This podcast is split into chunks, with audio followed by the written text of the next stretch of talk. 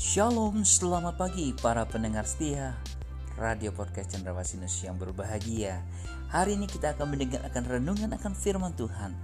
Biarlah firman Tuhan yang hidup itu akan menjadi berkat ketika Anda mendengarnya Dan rema dalam kehidupan Anda. Selamat mendengarkan firmannya. Tuhan Yesus memberkati Anda. Shalom tidak pernah bosan kita selalu rindu mendengarkan renungan pocket kita. Untuk apa? Untuk kita diberkati selalu lewat siraman rohani, lewat kebenaran yang Tuhan mau berikan buat kita semuanya. Nah, tema kita hari ini apa yang Yesus lihat dalam diri kita? Nah, itu pertanyaan kadang-kadang iya ya dengan keadaan kita seperti ini Yesus bisa lihat apa kalau dia waktu ketemu dengan Ayub ya waktu dia menceritakan tentang Ayub kepada iblis dia katakan apakah engkau melihat hambaku yang saleh? Ya hambaku yang taat ya hambaku yang takut akan Tuhan hambaku yang menjauhi kejahatan. Bayangkan ada yang Yesus lihat dalam diri Ayub ada yang Tuhan lihat dalam diri Ayub. Tapi kalau kita seperti apa ya Mari kita lihat Matius 9 9. Yesus melihat seorang pria bernama Matius dan memanggil dia. Peristiwa perjumpaan Yesus dengan Matius, ya ini sambungan dari apa yang kemarin pernah saya sampaikan. Ini adalah paralel dengan kehidupan kita. Jadi ketika Yesus dan waktu waktu Yesus melihat Matius dan memanggil dia, ini sama seperti Anda. Yesus lihat apa dalam diri Anda? Apa yang menjadi kelebihan dalam diri Anda sehingga engkau menjadi orang Kristen yang percaya saat ini? Ya kalau Yesus melihat semua kejahatan yang Anda lakukan dan Yesus tetap melihat dan memanggil saudara, ini suatu spesial banget.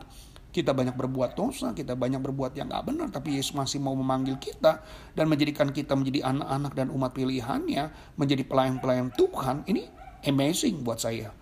Apa yang Yesus lihat? Yesus melihat semua ya Anda menerima panggilannya dan mau hidup dalam pelayanan kudus Anda berani mensing-singkan waktunya untuk Tuhan beribadah meluangkan waktunya untuk berdoa, meluangkan waktu untuk membaca Alkitab ini nggak gampang.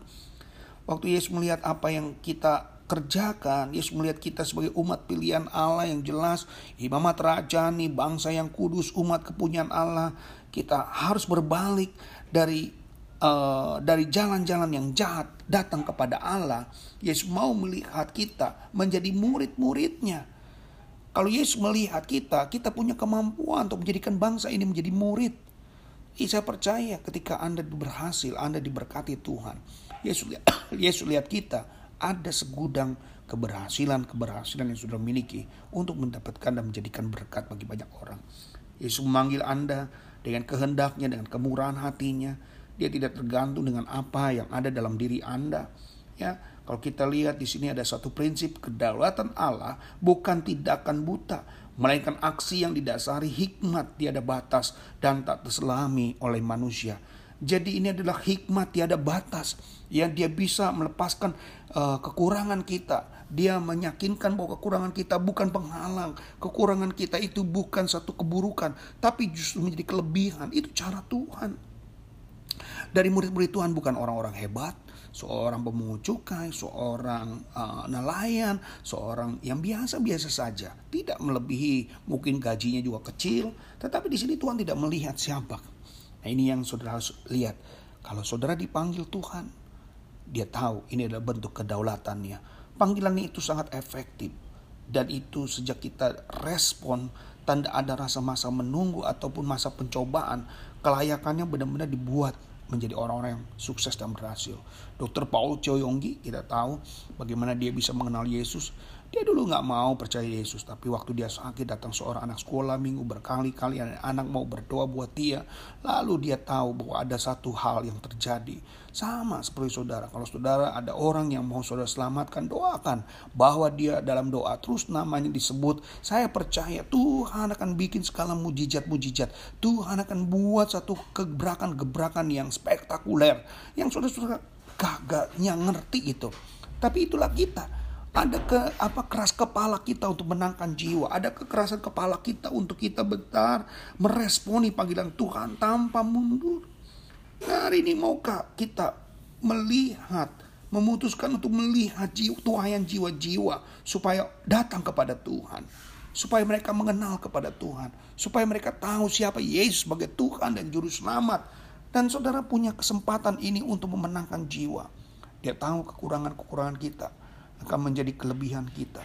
Kekurangan kita akan menjadi keunggulan kita. Percaya, Tuhan kita adalah Tuhan Allah yang luar biasa. Dia sanggup mengatasi segala-galanya. Dan kalau sudah lihat kenapa kok orang jahat seorang Paulus bisa diselamatkan. Mungkin ketemu Paulus harus jadi bunuh, ketemu Paulus harusnya dipenggal karena dia udah banyak juga menyusahkan jemaat gereja dulu-dulu ya harusnya dia dibinasakan tidak Tuhan tidak melakukan seperti itu karena apa ada potensi di dalam diri Paulus pada saat itu Paulus akhirnya apa dia bisa menjadi orang yang diandalkan keras kepalanya dia untuk menangkan jiwa itu akhirnya berfungsi sama kita dulu begitu keras kepala untuk tetap berbuat dosa. Itu akan dipakai keras kepalanya untuk tetap memenangkan jiwa. Keras kepala diganti menjadi menangkan jiwa. Itu cara Tuhan. Kalau kita nggak bisa mengubah, manusia nggak bisa mengubah, istri suami kita nggak bisa mengubah, orang tua nggak bisa mengubah kita. Tetapi Tuhan yang bisa mengubah kita. Jangan melihat, jangan merendahkan dirimu. Jangan melihat kekurangan dalam dirimu, tetapi di situlah satu saat Tuhan mau memakai hidup kita dengan keseriusan dan kesungguhan.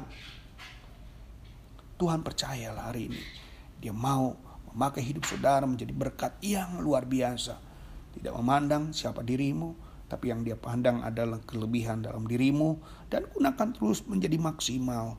Gunakan terus menjadi satu acuan yang diberkati. Berkatan Tuhan buat kehidupan saudara pasti-pasti sangat luar biasa. Jangan menganggap engkau bodoh, jangan menganggap engkau rendah. Tapi ingat, di dalam dirimu ada kuasa Tuhan yang semakin hari semakin nyata, nampak dalam kehidupanmu, bukan setengah tetapi sepenuhnya. Tuhan Yesus memberkati buat kita semuanya. Ingat, kalau bertanya siapakah diri kita, Ya, kita adalah orang-orang yang diunggulkan. Kita adalah pemenang-pemenang jiwa. Itu saja firman Allah. Kiranya menjadi berkat buat saudara dan saya senantiasa. Kalau saudara diberkati, bagikan podcast ini terus ya. Supaya orang tahu, jangan menganggap dia adalah orang yang dibuang. Tapi dia adalah orang-orang yang unggul dari siapa pun. Tuhan Yesus memberkati. Shalom.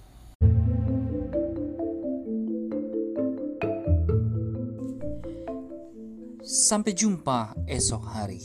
Kiranya damai sejahtera dari Allah Bapa, kecintaan kasih daripada Tuhan Yesus Kristus, dan persekutuan Roh Kudus menyertai kita mulai hari ini, esok, sampai Maranatha. Tuhan Yesus datang kedua kalinya. Sampai jumpa.